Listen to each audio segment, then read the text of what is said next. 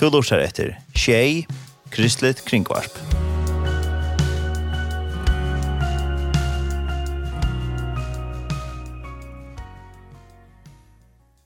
Velkommen til Studio Tjei her i Havn, og mitt navn er Tar Ernest Havalsen, og vi er så beinleis nå her og Tjei.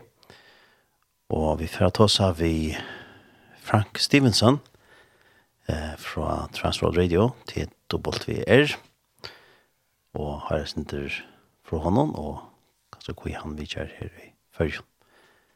Og det er det meste enskån, og så får jeg at noe er løsent fra av førskån om det som han sier fra. Hei Frank, welcome to our radio station again. Manga takk for det. Thank you very much. It's good to be here. It's going to be in the fairways. uh, yeah, that would be very short. Um, no, but it's uh, it's a privilege and pleasure to be back here on the Faroes. Mhm. Mm. My ninth time actually. ninth time, yeah. Yeah. So. Nu kände för han är för John så han är glad för att kunna vara for you. And uh, now we have your family with you. Yes, that's always very special when they can come along. Uh, for my wife, it's her third time. For my daughter, it's her second time. And for our son, it's his first time. Mm. Yeah. Also, they're han har familjen där vi ser så det har vi vi kan han vi när för när och döttern där snö så sonen där först för um and uh, did you take the son with you? yeah, I'm, I must say uh, it really turned out into a nice uh, sunny vacation here. Uh, that is uh, was a little unexpected. Yeah. But uh, no, we're very glad, and I might even get a tan on the Faroes. that would be a first. yeah, that's good, though. So you had a good time here? yes, yeah. Yeah, we've been here for a week already and uh, part of it has been family time and mm -hmm. uh, part of it is also ministry related, so with Transworld Radio. Mhm. Mm and uh, we're here for another um few days and then in 6 days we go back. Um but we already have our heads full of impressions and mm -hmm. memories and yeah. sunshine. That's good. So um a good uh, stay in the Faroes. Yes, uh, exactly. And um, now we are we're in uh, Torshavn for a few days, and so we're looking forward to just uh, spend more time here, connecting the ministry with the Faroe Islands, and also um, just uh, enjoying it here as a family as well. Mm -hmm. uh, you were here in uh, September. Yes, indeed. Okay. I was here. That was the last time I was yeah. here.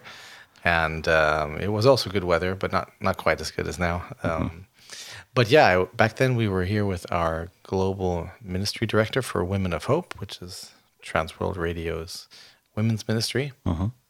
And then we were also here with a colleague of mine uh, from the US office who serves as a journalist and a writer and he was able to collect some uh, good stories and information um about the connection of Transworld Radio and the Faroe Islands. Mm -hmm. So that's uh that's uh, that was special that they could come as well. Mhm. Mm Ja, han er vært her nå nekka det ene vika, og det er så vet jeg i Miskastannes, og jeg har snitt halda det ferie, og kjørte i imiske samband med sin transfer radio, og så var det i september, og ta hver og så har vi eh, Peggy Banks, som arbeider vi Woman of Hope, kvinner vi vann, og jeg snitt et arbeid som, som er ut fra transfer radio, og vi tatt, og vi kjenner at hjemme her av tjej, her er det gredde fra tog, og det kom til ferie nå.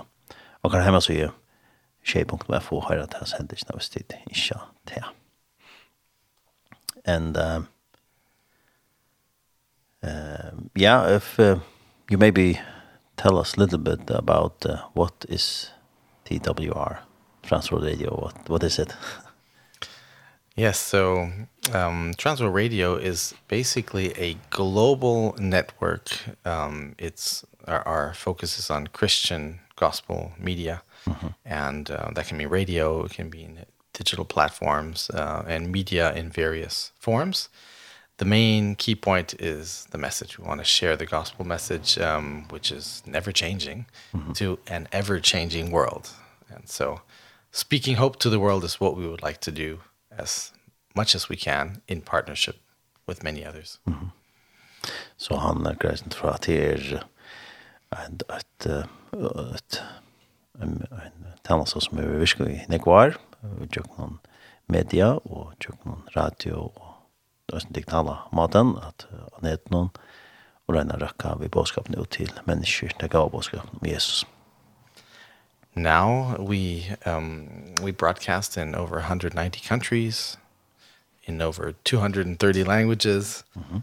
and in uh, well potentially 4 billion people could listen to us so mm -hmm. 190 countries, 230 languages, 4 billion uh, people. That sounds uh, incredible. It actually is, but I must also, of course, say there's not 4 billion people listening to us at the same time. this is just the potential reach. But we are grateful that by God's grace, we have been able to grow as a network in partnership with many other like-minded media organizations. Mm -hmm. So that is that's key. The partnership is I would say the key word. Mm -hmm. uh, we could never do it alone and it's not we're not meant to do it alone. We're meant to work with other Christian believers uh, together from different flavors and backgrounds to to share the hope in Christ. Mhm. Mm det røkka til 105 land og 230 mal og ja, folk røkka det rettlendig til og fyra millioner eller milliarder uh, kom det röka til, så det var rätt en fuck som det röka til. And in the end it's also not um not the specific platform that's needed. I mean 70 year, around 70 years ago Transworld Radio uh was focusing on shortwave or maybe medium wave and uh, and uh, as we all know in media the media world changes mm -hmm. more and more quickly. And in the end we want to just be there on the platforms that people use um mm -hmm. and yeah, use as an audience. And even if it's something that might be new to us or different, uh, we would still want to learn how to use it and how to be there to meet where people are and what's important for them. And so it's basically diversified quite a bit from 60, 70 years ago. Mm -hmm. But thankfully, we're here and we also want to continue uh, being relevant uh, if the Lord um, yeah, guides us down this path and opens doors. Mm. Det har vi skjedd kjøkken, det var og Det er veldig brøtt maten at røkke ut vi bådskapen noen, på maten man røkker ut på, og det er maten man gjør ned på, sånn røkker ut internett noen, så det er veldig om maten man kan få en god bådskapen ut til mennesker, men det er ikke halda da framvis snir at bera menneskene det gode bådskapen, tjøkken det det gjør. Yeah, so so one of the one of the key things we would like to to do is um to as we speak hope to the world is that we can also obviously be relevant. We don't want to speak something or in a in a language or in a heart language that just doesn't make any sense. Uh -huh. So for us it's important that we find local believers around the world that have a heart to reach their own people and we can help them along the way maybe with some technology or with um recording or mm -hmm. script writing or whatever that can be. So um our radio is not music per se. Uh, it can be music, but it, it's a lot also of different forms of content that um that are important to the people. And so uh -huh. that's what we would like to do. So there's not one set style of how we do it. It depends on the culture and the language. They they they share with us how what's the best way. Mm -hmm. And we would then like to help them along that journey. Mm -hmm. a det är the game is come out there gera radio. they ikke sånn jeg tonelager, men det kunne det jeg gjøre. Men mest det er at hos av bådskapen ut til mennesker, og det var sånn gjørst i samband vi det samra vi til Imesk og landene som de sender fra, og som de røkker til, så det er et lokalt uh, arbeid. So this can be a, a local and a worldwide uh, ministry, yeah? Exactly. I yeah. think that's the that's the beauty of it when when we have a a big picture that's that's important to have that we have the big goals. God sometimes places in our hearts the big picture even though we might not always understand how we get there. But it can only be done also through local believers and through local ministries and all that. So it's really a a balance. So uh, in my work itself um I work in in our European office in Slovakia. So I'm normally not behind the microphone mm -hmm. but I am um working in relationship building networking we call it or my role is called stewardship um, director mm -hmm. and um and that is kind of one way also I can be part of media even if I don't let's say have the skill set to be a moderator or a producer but um I can use the skills that I have also in in like the the background role mm -hmm. and uh, and then help also the media uh, develop uh, with the gospel or, and be shared I mean have the gospel message be shared. Mm -hmm. Så han har bare ikke snakket at han mikrofonen, men han kan godt være, like, now you're on the microphone. uh, yeah, that's. It's always a new experience for me, or a different experience, yeah. which is nice. Yeah. And, uh, men han er mer at det administrativa, administrativa arbeidet innenfor det uh, arbeid som han gjør, og det som uh, TWR gjør, så det er her det går oppgave skal gjøres, og samskipa og ordna fyrt. Yeah, and um, uh, maybe the listeners have found out a little bit about what Transworld Radio is, but uh, uh, you got collaborated with Faroe Islands uh, many years ago. Uh, people know that. Maybe, maybe many people know that, but but not everybody. Mm -hmm. How you how is that history? Can you tell us a little bit about that? Mm -hmm. Yes, gladly. So I must say, also for me, some years ago, it was quite new. I knew a little bit about the Faroe Islands through football, but uh, that was pretty much it. And then um, I was at a at an uh, at a conference that Operation Mobilization or OM uh -huh. um, was hosting together with um, Transworld Radio, or we were there as guests, and so it was in Germany.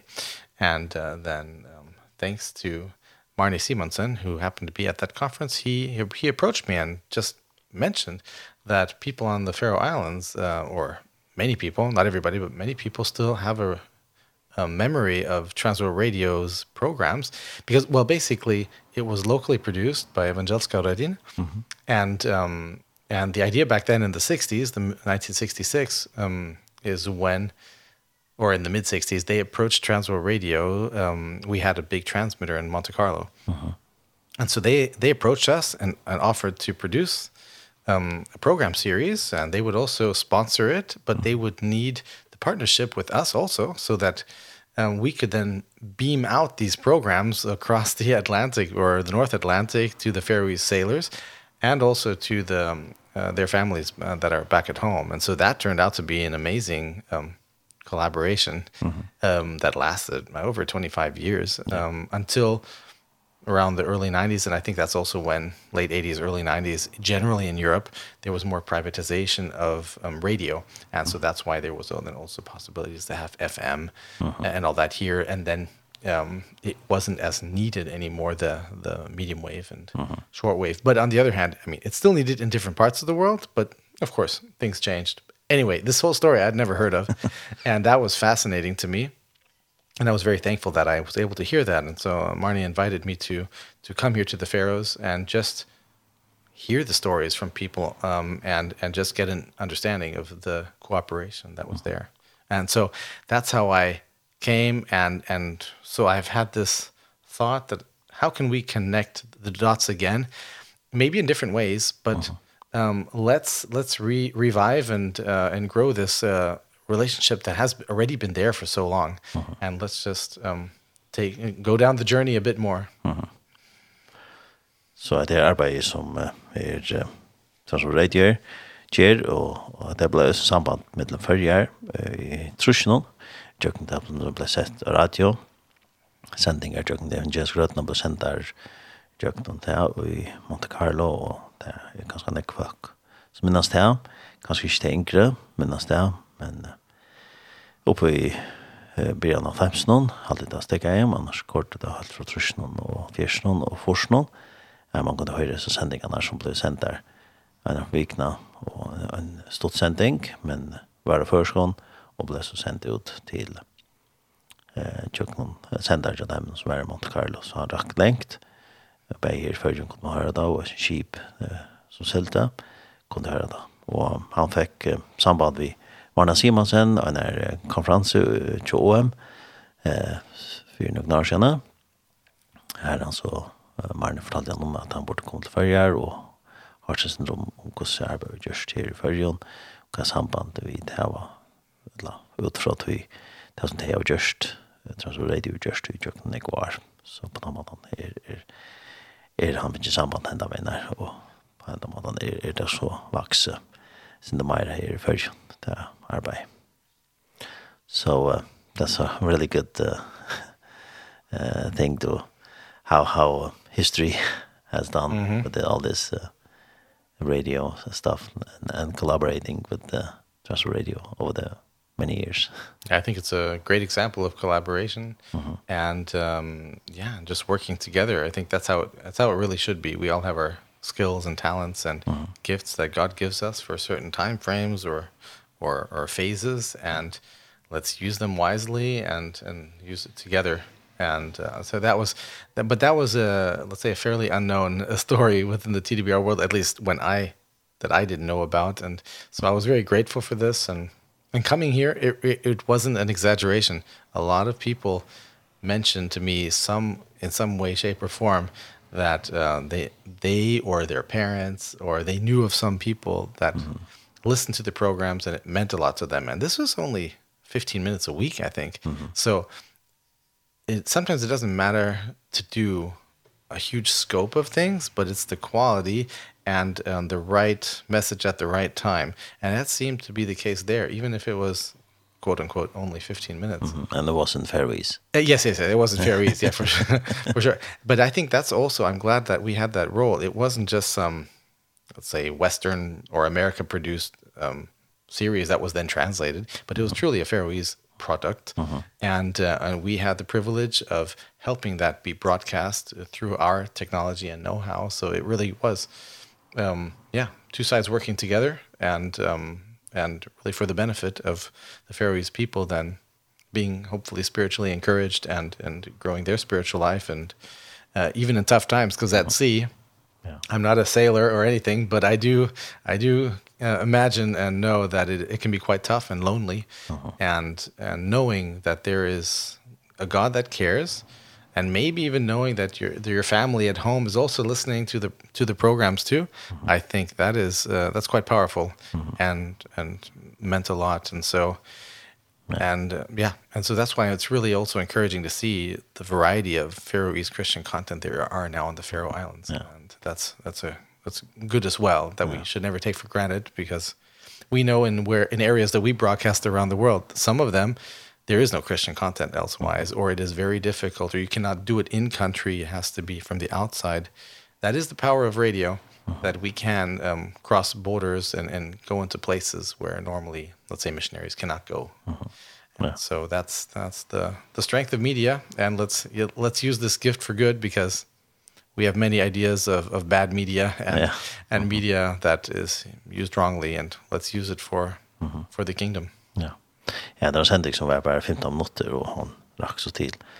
Alla stanna så där var Nick som var glad för att ha så Henrik när han bara 15 minutter och eh ja, og det det var varit så inne igår.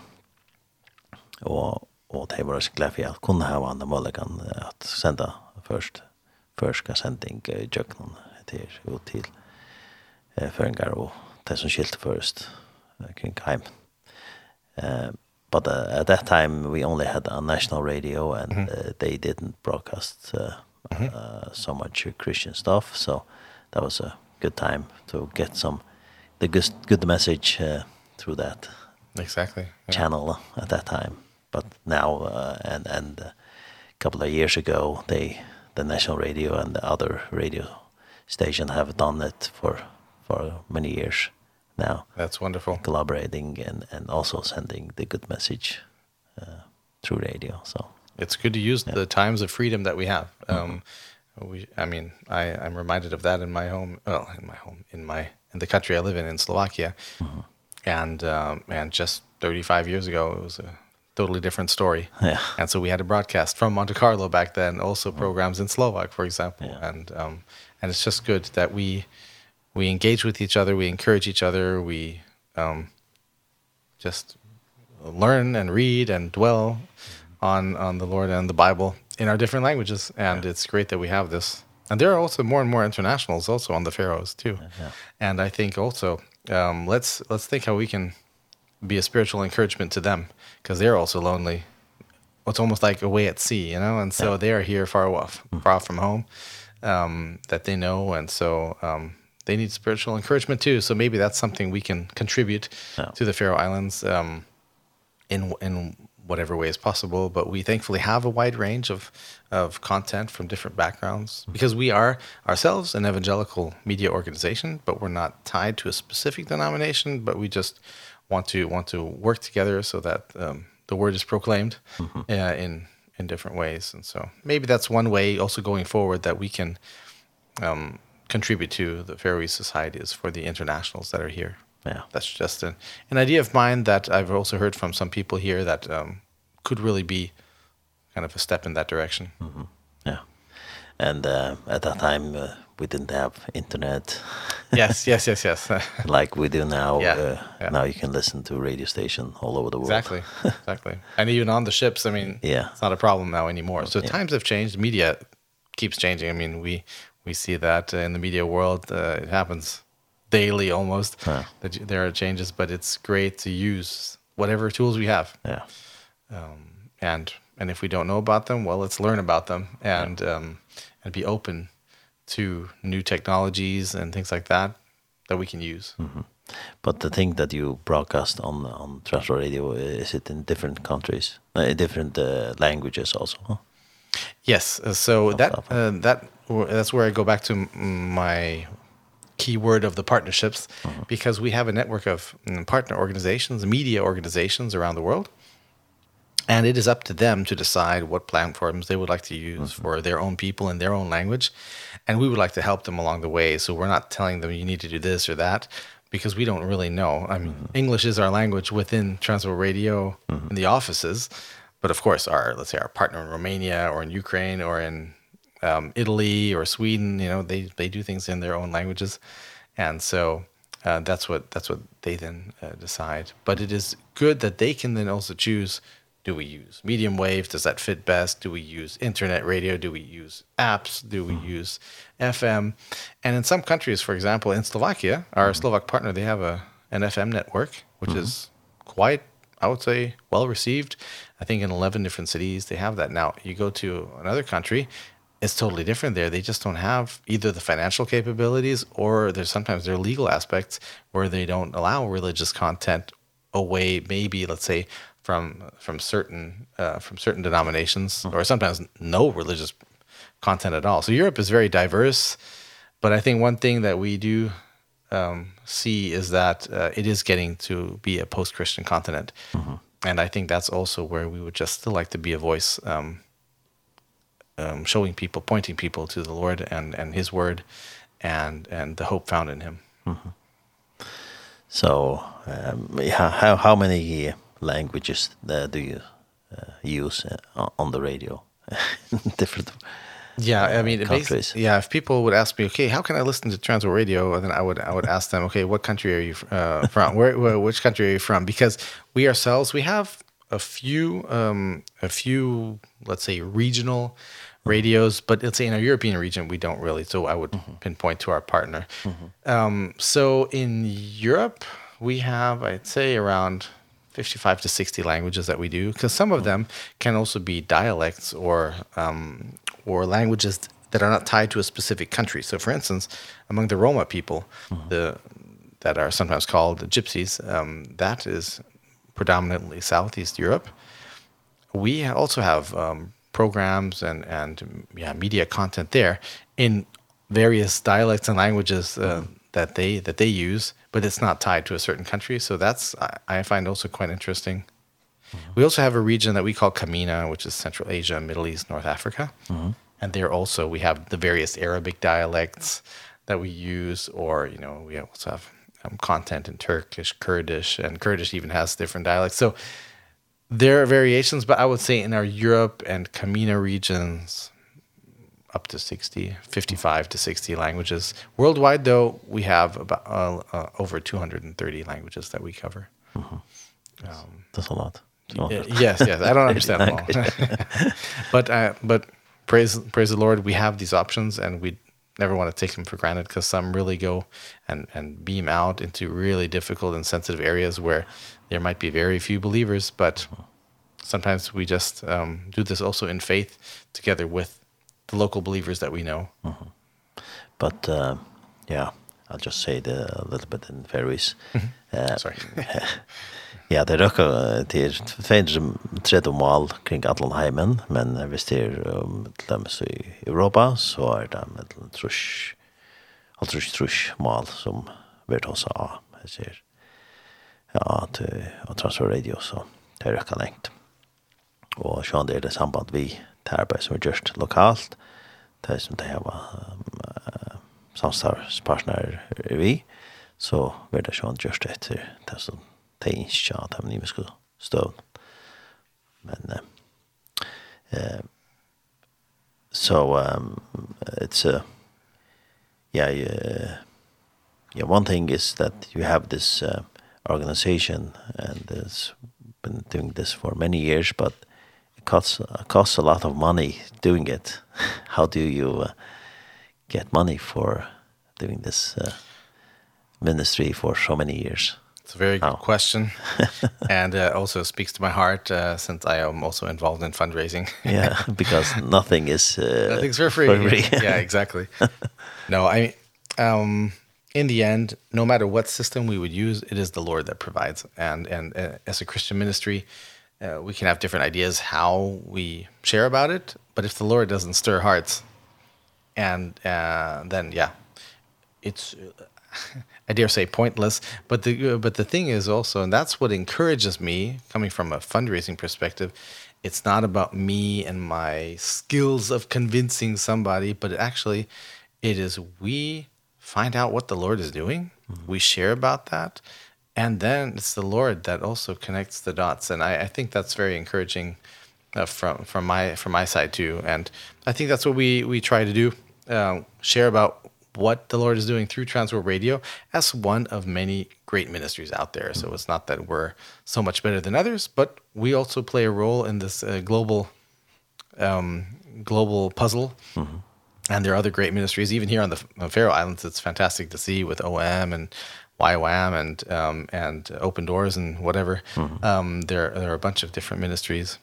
So some of uh, some of the um the funding we get is through donations and that is also key I would say um yeah through churches and and foundations and um individual donations etc and some income is also through the services we provide to translate and to produce and to assist and consult along the way of using um, gospel content and internationalizing it. Mm -hmm. So for instance, if we have a if we have a partner that is interested or let's say a um an organization that's that has a great that has great content, let's say in English, mm -hmm. and they though have a feeling we would like to broadcast this in, to more places around mm -hmm. the world.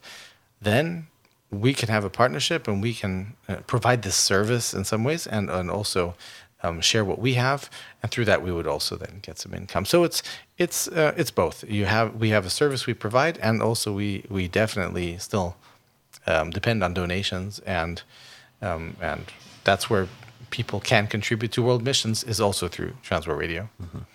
Do you have uh, sponsors who sponsor the radio or? something like Yes. Also? Yeah, so um, many, not all, but many of the um, transmitters around the world that we have are um, TWR owned, which is great already. But even in places where we don't own it, we have um, airtime that we can broadcast. And, and this is, and of course, then we have digital media and all sorts of different platforms. But they all need to be funded. I mean, electricity bills need to be paid. Um, and also sometimes, and this is something that just happened recently, you, we will we budget we budget as well as we can and then something happens and in this case for instance in in the Pacific, we have on Guam some uh, key transmitters for East Asia, and a typhoon came through and destroyed. Um, thankfully, no lives were lost, but um, but let's say a bunch of equipment was damaged. Mm -hmm. The insurance can cover some, but there's still a big chunk. I think there we have around $330,000 that we still need to um, if, uh, come up with or let's say that we seek to come up with mm -hmm. to to repair things and to make things even let's say stronger for future storms that will come. And that's just that's just something where things come up and that's where we depend on the lord to to lay it on the hearts of people to to to give towards. So also here if there are people that feel okay this is something that we want to give for that would be great. Um mm -hmm. and we do need it.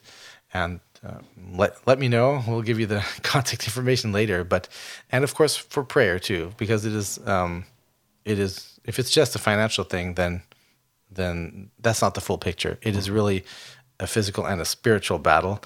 And in this case also, we need funds, of course, but we also need prayer. That is uh it goes hand in hand and mm -hmm. you can't have one without the other in our in our ministry. Så So där var uh, rush till uh, eller maten där var uh, fotjo på till det att det har var alltså anställningar som stola och vad snär ja fyrtöcker och og det er østene vi hvis de sender de imiske landene, så vil det fortja på vi til som stoler, sponsorer, kanskje det her var en pars tog de røkka i Jøkkentalsenderen, at de slipper sende og sende ikke Jøkkental, så vil det østene fortja ta veien, så det er nekker imiske mater at folk kunne stole på, og det er tog at folk vilja gjerne stole, og utan den stolen, så ber det ikke til til dem å sende av til Janskir ur Eugebis, at det var på en måte. Det som det gjør, så uh, det går sånn ikke penger at gjør det arbeid. Så uh, a lot of money, uh, do you have any numbers, how much it costs to have this ministry? Um, I would like to give you some detailed ones. um, I would say um, we're definitely talking about six seven digit figures i mean yeah. and and even i mean e even more i would say in our in our european region alone uh -huh. i would say yeah, a few million i would say but okay uh -huh. i i would need to get the details but in general it just shows i mean when when you think so of these of numbers plus, a lot, it's a lot yeah, of money that's, that's lot. and yeah. i must say thankfully the lord provides even during the covid years uh -huh. and and we're not saying we did a better job than others but somehow the lord provided for us in a ways that we can only attribute it to God. Mm -hmm. And and he actually increased the income that were that uh that we received for also certain key projects. I mean, we we still um struggle in some other areas, mm -hmm. but it's it's we could see the Lord is at work. We just need to keep trusting him. Mm -hmm. And it's not I mean, uh, there are other ministries that were, you know, maybe struggling more and all that. It comes in waves and yeah. uh, and we thankfully weathered the storms pretty well during the COVID years, but uh, we never want to take that for granted. So, yeah, when it comes to uh, when it comes to these various um, these various costs, uh, it is just true that things just cost money, and I think it's also good that we just um, remember that and and and also don't shy away from mentioning it, mm -hmm. because if people think, oh, it's for free, somehow it happens. Well yeah, it has to come from somewhere. And mm -hmm. And some people, God is really blessed as, as, let's say, business people or something, and they earn a lot of money, and I think that is good, and we should never be jealous of that. But it's also good for um, for people with with wealth mm -hmm. to to also be generous. Having said that, we also see examples where also people uh, that maybe don't have so much wealth. It's not for us to say, well, in that case, I can't afford this and that, but it's also for us in whatever circumstance we're in to think generously. And and of course, it's it's so easy to say and then the Lord sometimes holds up the mirror to me myself and I have to also think to myself in my situation how am I am I holding on to things because I think it's mine mine mine oh. or is the Lord laying on my heart you know sometimes we need to let go or oh. or it's the Lord who provides ultimately and and I think in, in so many situations of life whether we're wealthy or whether we're not so wealthy um let us see where the Lord can use us to be involved locally in our church, mm. locally in projects, and also world missions. So we have this balance of um, the local and the global. And I think if we can find a way, and we also try to share this with other ministries too, uh, it's also tempting as a ministry that we would feel like, oh, we just stick with us and, and um, we can't do this, we can't do that. But let's see what the Lord is laying on our heart. I think that's more powerful. So having said all this, also even without exact numbers, we want to be good stewards of what the Lord entrusts us with. And if he entrusts us with big projects, we want to be especially good stewards. Mm -hmm. Again, this is an everyday journey and um and it's also for me in in where I am, what I do, am I being a good steward of my time? Am I being a good steward of my words, my my mentality and attitude? these are all things. It doesn't, it's not just money, but um, money plays a big role. I mean, the Lord talks about, well, in the Bible, there's so many elements of finance and possessions and all that, way more than we think. so anyway, I think that's, a, for me, that just shows finances are important and, and we need to watch out that our heart doesn't hang on to finances, but onto the Lord. Mm -hmm. And we still see finances as a, as a crucial tool to use. Yeah. And it is, it is, his work. trust Absolutely. him. We need Absolutely. to trust him. Otherwise, we get too proud yeah. and prideful. And I think that's the danger. If we see, oh, we do this and this and that, yeah, I mean, then basically we're not different than, uh, than people that don't believe uh, in, the, in the Lord. And I think, no, we have, we can be confident in the Lord, but uh, we need to, we need to make, make sure we realize things can go quickly. I mean, just thinking of an example, just a few weeks ago, a colleague of ours in the U.S. Mm -hmm. suddenly died and from one hour to the next. And it was a shock for for a lot of us because she's someone who knew a lot, who was very cheerful and just you know a, a great a great colleague to have and suddenly she's gone. Mm -hmm. And that just kind of struck me and struck also other colleagues. So, we don't know when our time is over. So let's be wise and let's be realizing what is where we need to be, what can we do? and and have our right prior have priorities set right. Mm -hmm. And um that just kind of reminded me of that when suddenly is someone gone. So, uh, suddenly when someone is suddenly gone. Mm -hmm. Um yeah. Så det er uh, millioner uh, penner som skal inn til at fortsatt dette arbeidet, og det er sånn det, det er nek folk som djeva, og sånn det går til oss henne kom til i, i Bibelene om at djeva, om å være gameldene til arbeidet av Haranon, og av vi til djeva av akkara i flow og æsten djeva av glede til hans arbeidsk. Og det er det æsten nek som gjør til dette arbeid. Og æsten er nek von øren arbeid av alle mønnesle. Og det viser at det er at god i trofaster, ser trofaster jøkken alt arbeid som er gjørst til jøkken til arbeid som det gjør. Uh, I think um, we'll play a song before we gonna talk. We're gonna talk about uh, a webinar. It's gonna happen on this Thursday. Uh, yep. But uh, I've not asked you uh, of any song, but uh, mm -hmm. is there any song you want to us to play? Um, I I was thinking of the song uh, from Jeremy Camp. Um, there will be a day. It is uh, it is a song that um, that I, uh, besides the fact that I like the way it's built up from a musical standpoint, I, I really like the encouragement it is because there is um, there are many crisis areas in the world today, such as the one we will then also have as a topic in the webinar. Mm -hmm. And and I think even if we're struggling, if when we're the valley, no matter if it's in our personal lives or also if it's uh, in a country being at war or us having um, dealing with natural catastrophes, on a big or small level, mm -hmm. we can always find the hope that there will be a day um, when we will actually see Jesus face to face, as it says in the song, and and then we know we're home, we're in heaven, and then the tears are wiped away. So I think that is an encouragement um, for me, and maybe also for you as a listener.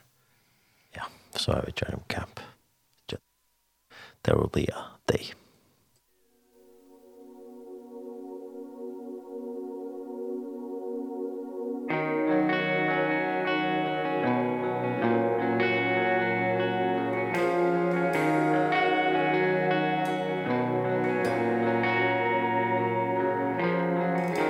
I try to hold on to this world With everything I have But I feel the weight of what it brings And the hurt that tries to grab. The many trials that seem to never end. His word declares this truth That we will enter in this rest With wonders anew. But I hold on to this hope and the promise that he brings. There will be a place with no more suffering. There will be a day with no more tears no more pain and no more fears. There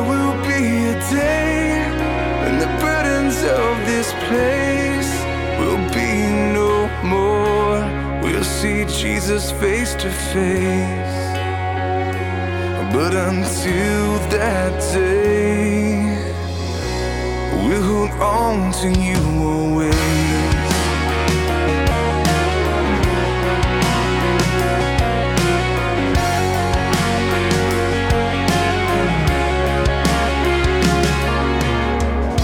I know the journey seems so long. You feel you're walking on your own But there has never been a step. But you've walked down all alone Troubled soul, don't lose your heart. Cause joy and peace he brings And the beauty that's in store. How is the hurt of life's sting But I hold on to this hope And the promise that he brings That there will with no more suffering There will be a day with no more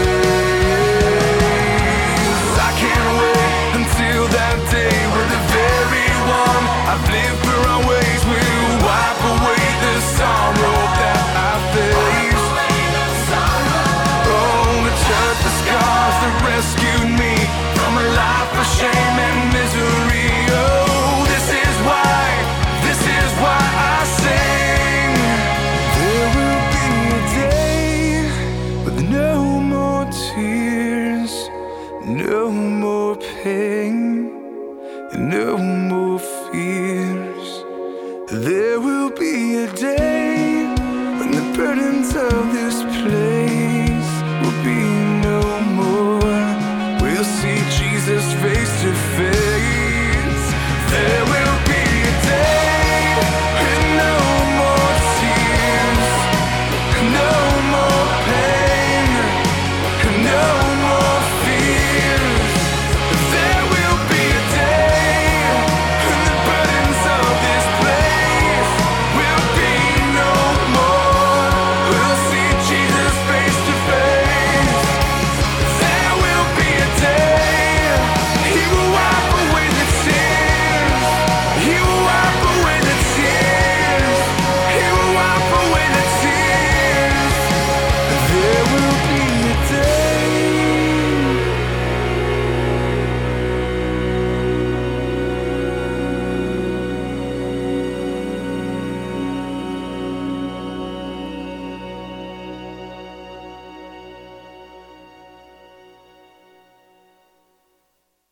var uh, Jeremy Camp som sang There Will Be a Day og vi tar Frank Stevenson her i Udorsona og vi tar også synder om uh, ja, han kommer fra Trashor Radio til WR og til gjør en heims uh, tjeneste uh, vi har bedre at jeg gav bådskapen i Jøknon utvarp på BNN og Jøknon eh vi har lengt bilge og stått bilge og FM og alt mulig som det har gjort i Nekvar.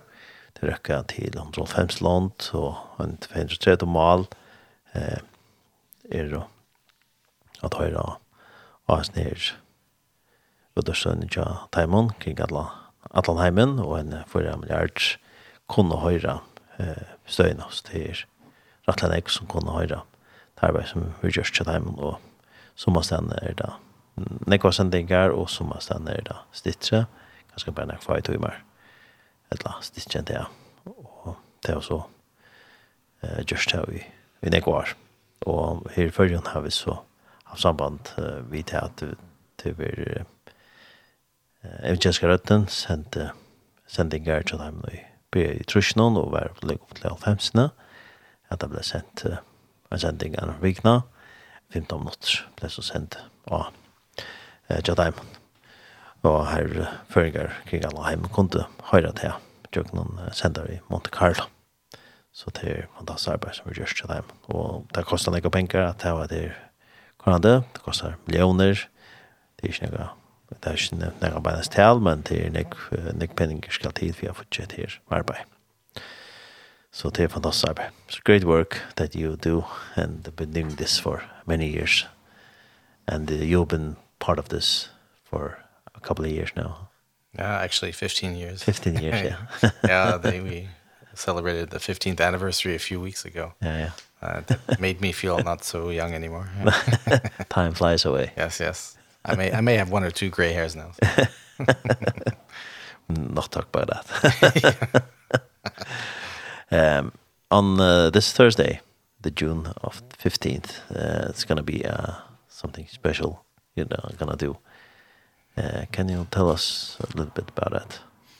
Yes, so um, I came back from parental leave um, in Slovakia. I was uh, out for about half a year um, back in early February. And so I took on a new role, um, which is what we call stewardship director. As I mentioned earlier, basically it's building of relationships and, and networks.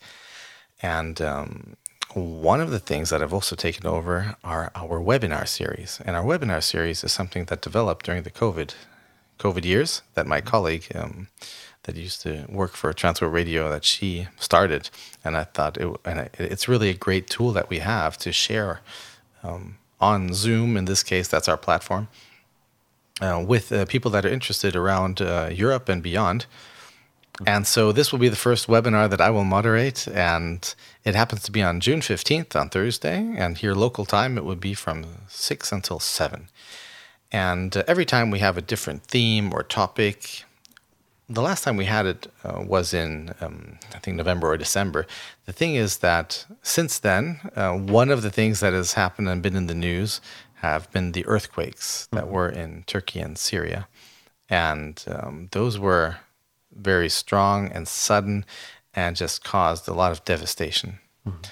But we as a ministry, as a media ministry, we want to also play our role in bringing hope to despair that is there. Mm -hmm. So basically when the aid organizations start leaving, we still want to be there and be a friend and accompany the people that have lost so much so suddenly and um we want to share with them that God knows, he cares, he is there in also practical and in spiritual ways.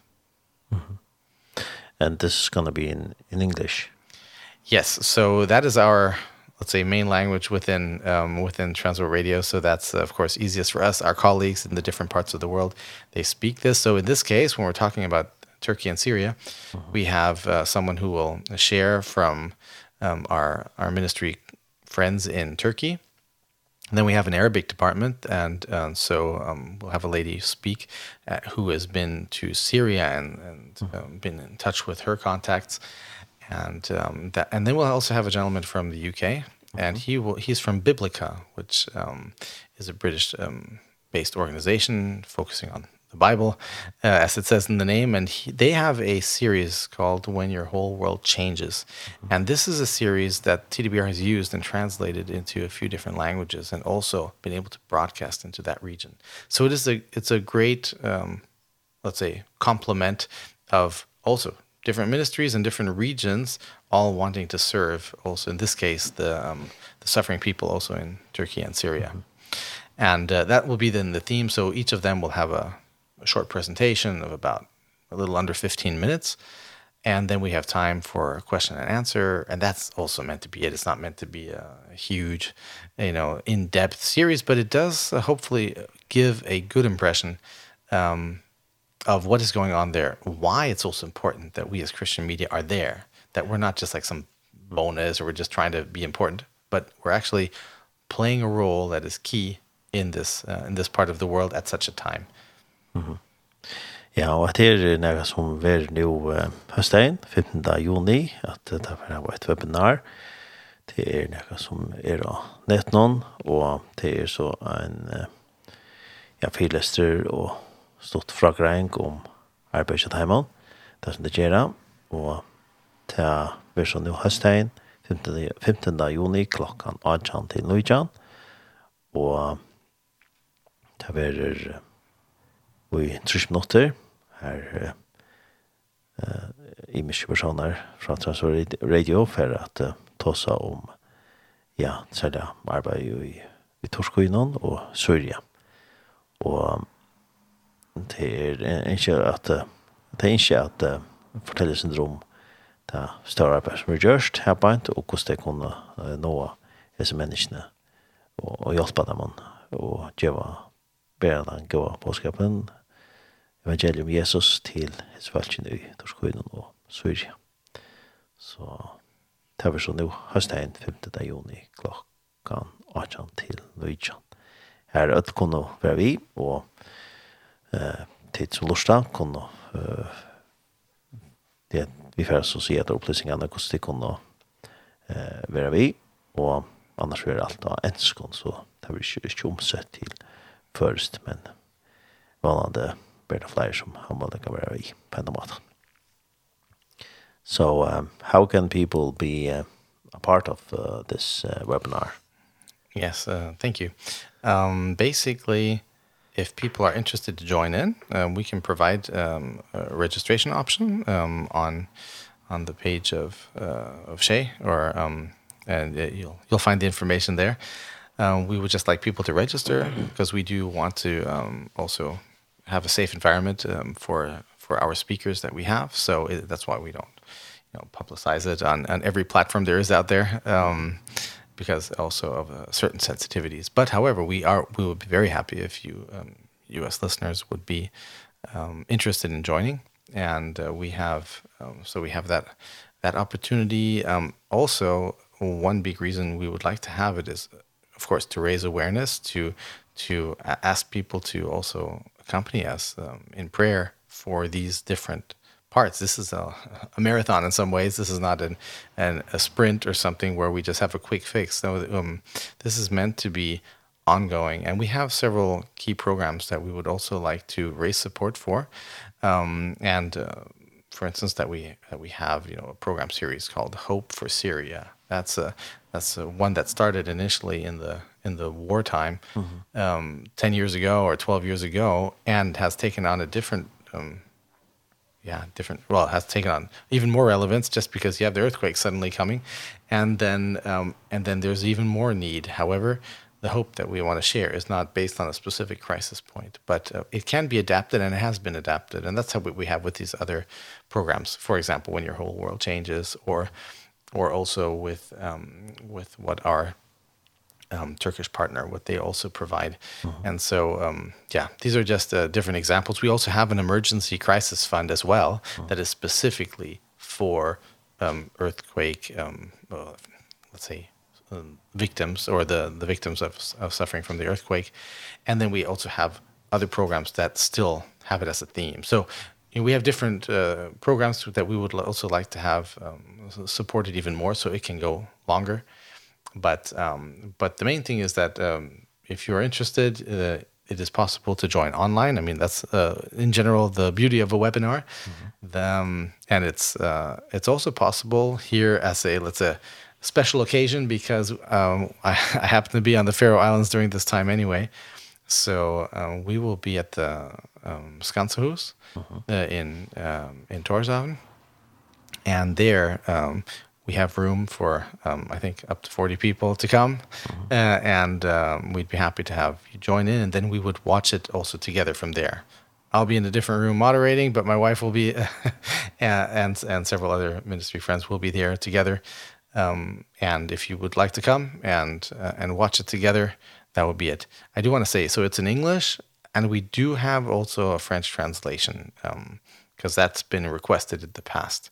Uh -huh. um, and then we will um, try to provide also some kind of um, Faroese um, language provision uh, there, but we um, we're still working on the details.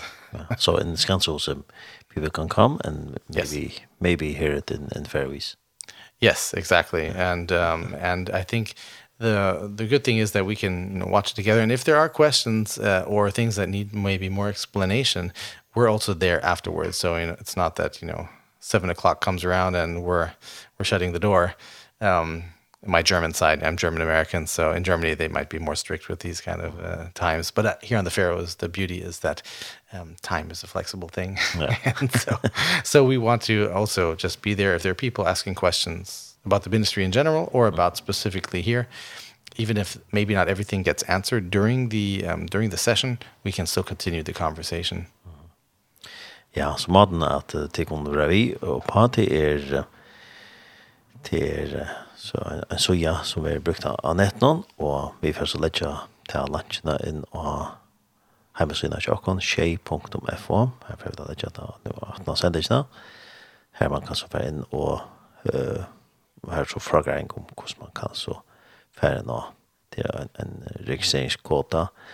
Man skal altså uh, tidmelde seg, det er bare for en trygt at alt er i orden, og sånn for at uh, han skal være leie, og sånn det samband vi et arbeid som er gjørst i tekniske landen, og som, som det gjør arbeid vi.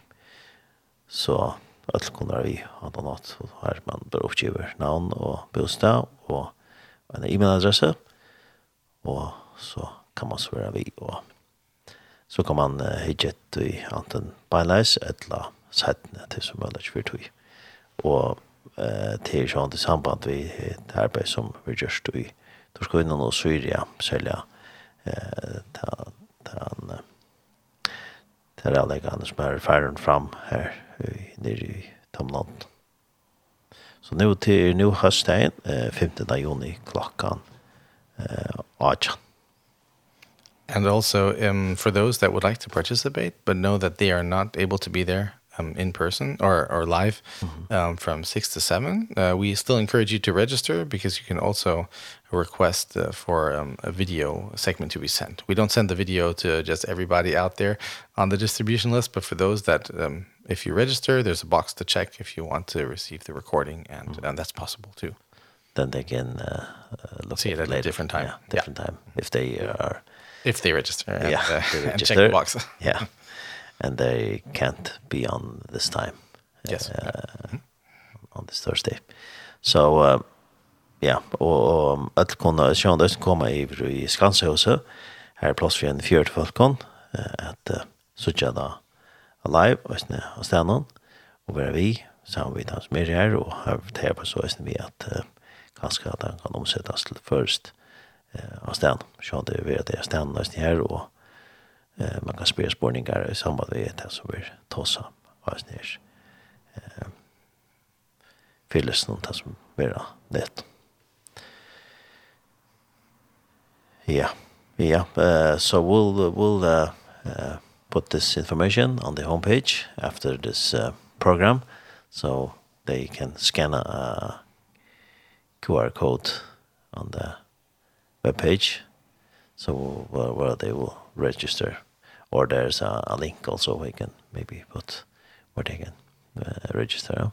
Yes, and and if if that doesn't work, then uh, there'll be also an email um, that you, uh, that you can send to myself or my colleague, um, uh -huh. and and then we'll we'll help organize it. We want as many people to participate as they as they can. That would be that would be wonderful, and um, and hopefully it can also be an encouragement. It's a challenging topic because it's not easy talking about um, the suffering that people have, but it's meant to also share this ray of hope -hmm. that there is hope in the midst of darkness and um and as our title says bringing lasting hope uh, when tragedy strikes. So that tragedy can happen in all sorts of ways. That's what we would like to share. So there is there's hope. And hope can be a word that can often be used here or there. Um but um but this is a certain hope. It is really a, the strong hope we we have in Christ. And wow. and we don't want to be simplistic but we want to share what really can change and and and make a difference. Ja. Så det är en en QR-kod som du skulle eh kunna skanna eller en e-mailadress som du kan skriva till. Eh is it the this email address, huh? We can also say that one. Yes, yes, yes. Yeah? Uh, you can say that one. It's um so it's either my email address or the one of my um colleague. Um her her name is um, Anna Laura Visser, and so the email address is also then going to be posted there. Yeah. So uh, A Visser, A V I S S E R kurla t w Så hvis man skriver en tann uh, ta skriver til ta telpostadressen og sier at man kör vi just i webinar så uh, får man så en uh, registreringskod eller här som man skal så skriva navn og bostad for at eller skriva navn og et helt på stress.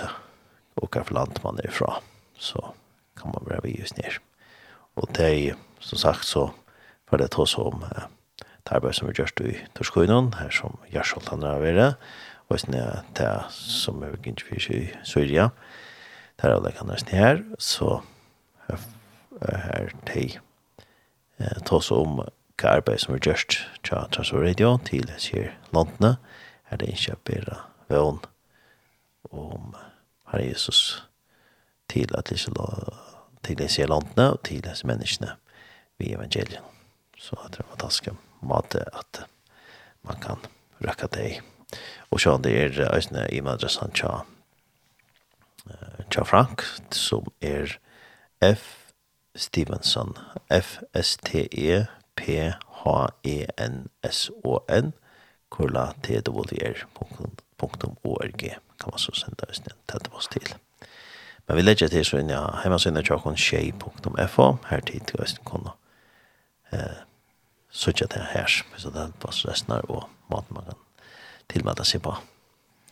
In case any of you want to reach me and you find me on Facebook, I just want to mention currently my Facebook is hacked. So don't approach me on yeah. Facebook, but rather by email and uh that'll be better. So um you never know at this moment who will respond if you um if you approach me on Facebook.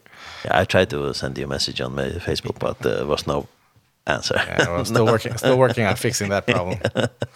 so I hope that will work uh, good for you. That's also. the worst thing that happens during my time on the Faroes. It's, it's, it's still a great trip. yeah. Ja, det kan så ikke regne forfatteren til Messenger eller Facebook til at eh, han, han vill väl hackar här så här är det väl möjligt att få färd runt han vägen. Men skriva en tältapost här kunde så göra. Ja, Frank, uh, do you want to add something else? Or... Um, if, uh, if people are interested also in just um, reading more about um, what we do, um, for instance, uh, in, in crisis areas, um, I've also uh, shared a bit about um, in, in some assemblies or also in um, uh, at Ictus earlier, you know, about the topics of um, Ukraine, um, the war there, or for instance also, as I briefly mentioned earlier, also the the Guam transmitter um, in the Pacific that focuses on East Asia. We're talking about China, North Korea, mm. Indonesia, Myanmar, Mongolia, you know, I mean, various areas. But basically, um, I can I can share some links then with um, and about stories and mm and updates cuz just yesterday I also was reading um, some quite powerful updates and I'm happy to share with you. We have it on our tdbr.org website mm -hmm. and uh, so that you have the specific stories. Um, I'll be happy to share, you know, just a mm -hmm. two or three um, mm -hmm. with with you at Shay that you can share further. It's um, it's quite powerful powerful to see what the Lord does and um, and that's a way that you can also then get more of an insight into our ministry mm -hmm. as a sorry as a general um um note uh, about also the connection here on the Pharaohs is that we would as a ministry uh, like to just grow uh, grow deeper and then see how we can also um yeah uh, be part of the the Faroe Islands uh, even more so um that's that's what I hope that I can still keep coming back and sharing some more and maybe there's some locally peop, local people interested. We also have a women's ministry um called Women of Hope and some people of you know that maybe from um a presentation or two at Zarepta or um or also uh, the prayer calendar that we have. So that there are different things if you'd like to know more, just please always contact me. Um and uh, and if you would rather write in Faroese, write to me in Faroese, and I'll find a way to have that translated. But uh, but please do, um, yeah, stay in touch. I would I would love for us to develop this connection of Transworld Radio and the Faroe Islands. Uh -huh. Ja, så det er nek mat der man kan få information om det arbeid som er gjørst, og de, de kan fære noen hjemmesiden til www.org. Her legger de nekva stopper om det arbeid som gjørst, og sånn hos det er mån, det er bare som er gjørst til Taimon, og det er også en bønnekalender som er sendt ut til, til som teleposter til alle følge muslimen ikke det, og det er det kvinner vi vann, Woman of Hope, og her kan man så være parstra til å be for til arbeid som er gjørst til Taimon. Og her er også, også noen vittnesbord om det som eh, det gjøre og hvordan de røkker vi som går gav bådskapen. Her, eh, de var her i førjen, som han nevnte, i september. Her Frank Vær og Peggy Bank, som er parstret av nærarbeidene. Og så her kunne det være parstret av og de var og fortalte sin drøm til bare her og skje, og så repta så det var flere stans at man kunne høre om arbeid til hjemme. So, yeah, we want to uh, uh, tell us uh, some uh, stories about what uh, God is doing. yeah, basically, um, it's uh, what I what I like about um, uh, Transfer Radio are about generally how the Lord works is that everyone has a unique story to share. Um, I have uh, I mean we'll hear some more stories about from Turkey and Syria um, on on Thursday, but I do have um two small responses um that I think are quite powerful uh from Ukraine actually that I would like to share. And uh let me just get that here. Okay. Ja, for for det där syndromet. Eh tvärs över ett land som är i från Ukraina. Gakotjer här och från det är sånt där om arbeid som gjørs til skoinen, og Syria, men det var så greit fra at vi har snitt webinaren. So one is from Alexander, um, and uh, he is Ukrainian but living in Poland. Det er fra Alexander, som bor i, uh, han er fra Ukraina, men han bor i Polen. And I, I can uh, read these few sentences in English, and then uh -huh. I can, then, uh, then you can um, share it in Faroese. Uh -huh. So, uh, good day. I want to thank you for the Ukrainian songs on the air. This is from our Ukrainian partner. Mm -hmm. For me, it feels like support from your side. I understand that times are tough and that not everything can be openly expressed. I listen to you constantly and I can see the progress. Blessings and continued growth to you. Hei, jeg heter Alexander, og takk for at jeg kan uh, høre til dere, til Sanger uh, og Uh, og i radioen. For meg er det fantastisk uh, og en stål uh, for at jeg er så jeg skiljer til tøyer at det er harsht, men uh, jeg kan uh, være uh, be,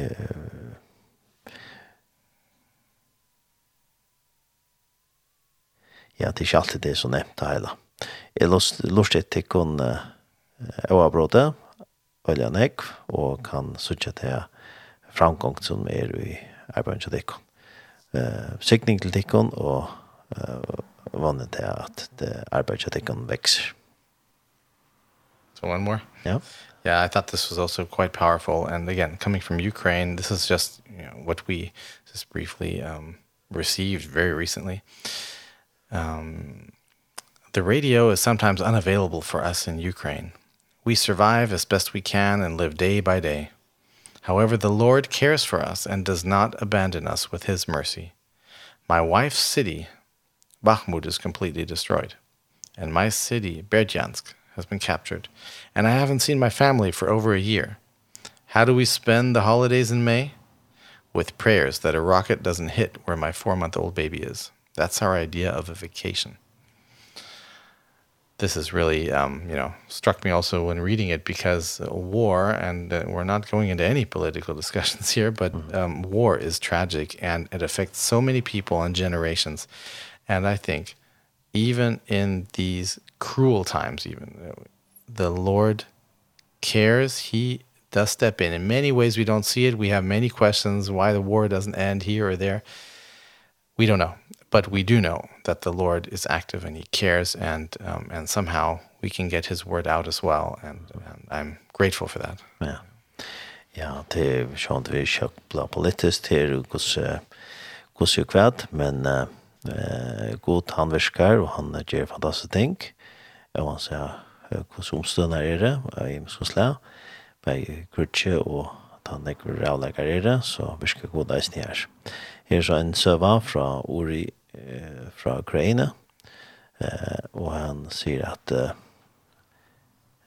radio er ångtøy, la ofta ikke måler tjokkene at eh, høyre og i Ukraina. Vi eh, leva så godt som vi kunne, og leva bare det etter det.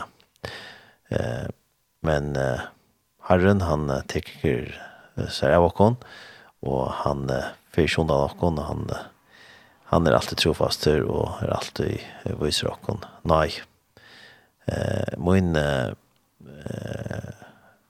på bøyren tja konne tja okkon Bakhmut er är fullstendig lagt og eisne min eh, heimbøyer Berdiansk her eisne blev en tidjen, og jeg har ikke sett min familie i, i breit år. Eh, hvordan er ferdig at uh, halda ferie i mai måned, det er en uh, større spørning. Vi uh, bønnen, uh, det er det nok for uh, at uh, vi ikke blir rakt av noen rakett, uh, og det rekker dere fyra måneder gamla baden. Til uh, kanskje dere i dere hoksan om hvordan en ferie vers. Yeah, that's a really powerful message about uh, God is uh, very uh, what do you say uh, he's working in serious ways and and uh, reaching these people with this message uh, mm. in a different way yeah so yeah. that's but uh, we need to pray for these people that's the way that's the thing that we can do here in the Pharaohs and often enough prayer will allows God to then work in our hearts oh. and to see in what other areas we can be involved. But mm -hmm. prayer is the foundation for it all. That is for me a reminder too, because mm -hmm. we often want to do things, but actually it's prayer that mm -hmm. is the, should be the priority. And then it leads often to something. Um, so it's a, uh, yeah, it's good to not forget uh, the people in Ukraine and also the people around. I mean, let's also keep praying for the Russian people, for the Belarusian people, for the people in, in Europe and different areas but of course uh, those that are suffering from war and from from these things need particular prayer. Uh -huh. Yeah. So vid the like tutting me att with be för på dem i Ukraina och i Ryssland Gud ska verka och göra sitt verk och så omstöver och Guds ringt dig så här och det här att vi kunne be för dem till snacka så vi kunne gjøre og och att bønnen ger mån. Det här vid av det and it's uh, God answers prayers, not in our our way, but His way. Yeah, exactly. That's, that's a good thing. It can be quite frustrating too, but it is actually good that it is that way because He yeah. is sovereign. Yeah, He He knows. He's what, the Alpha and Omega. Yeah, He knows what He's doing. He knows what He's doing. Yeah, and it's our responsibility to trust. Yeah. Yeah, uh, I think we'll finish uh, this program. Thank you very much, uh, Frank Stevenson, for coming, uh, visiting us here in the radio again. Thank you. Yeah, it's it's always uh, one of my highlights to to stop here and and share and uh, and also just yeah be here and and maybe give some updates or some uh, for for those that maybe don't know TDBR or that know TDBR and want to know what's going on even more. So there's always something happening. That's yeah. the good thing. Um and it's uh thanks to the Lord, but it's also great to see local Christian me media ministry in action. Yeah. And I even have a chance to sit behind the microphone, so that's yeah. that's that's my, you know, one two times a year I get to do that. yeah. Uh, and um you have been uh, uh some places here in the Faroes uh, talking and uh, and some meetings. Mhm. Mm -hmm and talking and and you said also you were on the, on the Ictus uh, yep. and that's going to be broadcasted later so so people here do here on the radio can hear it that uh, broadcast also later. So yes, that's you. good. So yeah, the Sunday, um, the plan is, uh, I hope I'm not spilling too many beans here, but uh, that we would be at Siloa in um, Fuglefjord, uh -huh. um, if I pronounce that correctly. Yeah. and on Sunday. This Sunday. Uh, yes, yes, this Sunday. Because on Monday, we then, um, my family and I, we go back to Slovakia.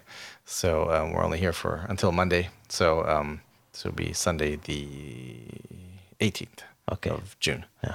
And um, we have a few other um ideas of where we'll be but you know we'll as I've heard from so many people it's good to stay open and flexible and curious here on the Faroes and just adapt yeah. if things do change. Yeah. Fine with me. Yeah. And you're leaving the sun with us. Yeah, well, not my son, but uh, but but the sunshine. Yeah, yeah I hope it can come along too. Yeah. um, but yeah, we uh, it it it might well be warmer though in Slovakia. yeah, I think so. but so, you know, t-shirt and ice cream you can have everywhere. So. Yeah. Yeah. So thank you very much and um we're going to play our song uh, now we'll finish this uh, program and you had a request. Yes, um so it's one you may have recognized it from uh from past years. I think it's such a fitting uh song and uh it's also one I really like. It's from Casting Crowns until the whole world hears. And uh, it is the it's the journey we're on as Christian believers for the world to hear um the good news of Jesus Christ and and that's a um yeah, for me an uplifting song and I hope it is for you too until the whole world hears and can have the chance to find what is so special about um, about Jesus Christ. Ja. Ja, vi får höra en sång nu senast, Until the Whole World Hears Chuck Has in Crowns. Og han uh, vil så i nekraderet sett, og det var så stemma den, men sundag vil det så nok i Silva i Fuglafire. Og ja, people can uh, come to this uh, webinar on, oh, yeah. uh, and, and this uh, Thursday, and then they can meet you. Yes, yes. Yeah. yeah, I shouldn't forget about that. I should yeah. be there too. But yes, that's uh, here in Torshavn at uh, Skanshus. Ja, yeah. så faktisk kunne jeg møte opp her i Skanshus nå, det var stedet 5. juni klokken 18 til det webinaret, og jeg tog seg vi Frank hvis det ikke er det. Annars kunne de sende det på oss, som sagt. Og vi får så lette som bløsninger inn av hjemmesiden av tjokken, tjej.fo. Ja, yeah. uh, have a good stay uh, further in the Faroes and a good trip was so nice having you here on the uh, radio again. Thank you so much. I'll try to learn a little more Faroese for next time. next time, yes. Thank you very much. Farewell. Farewell.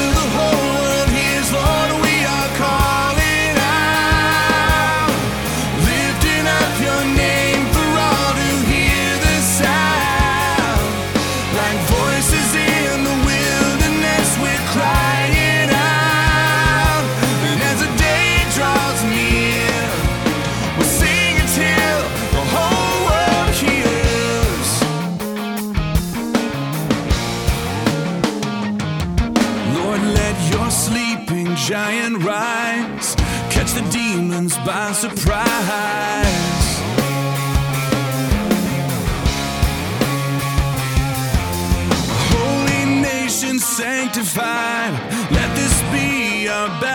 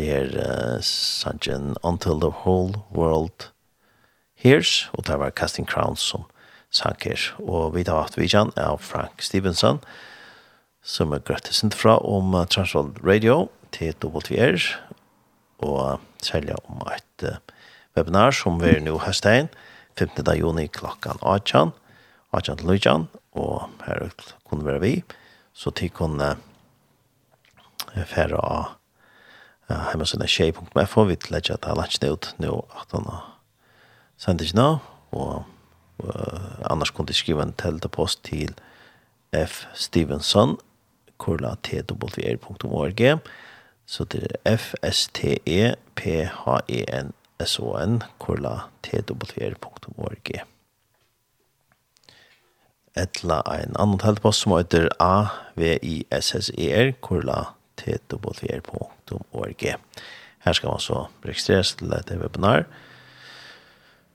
Bare sier navn og telte på stedrelse og hva for land man gjør fra. Og om man ikke har suttet det her på en leis, etla sættene man kan søsne på et, et videolink som man kan suttet til sættene. Det er for å greie fra i 6 minutter. Eh, er imisk fra Trussel Radio komme at greie fra hvordan de røkker til mennesker i Torskøyden og Syria. Så jeg får takke for meg her uh, i Studio Kjei, og man, det er vi finnes jeg også vi. Jeg har omsett så et litt parst av det som ble sagt, men uh, alt var så uh, annars er enskånd, så man det bedre det livet i åkken, hur jeg tog. Så det er som skilt eng, så, så finnes jeg, og det alt vel vi. Så takk for meg her i dag. Tar en samsen, vær og i og Vi tar rast.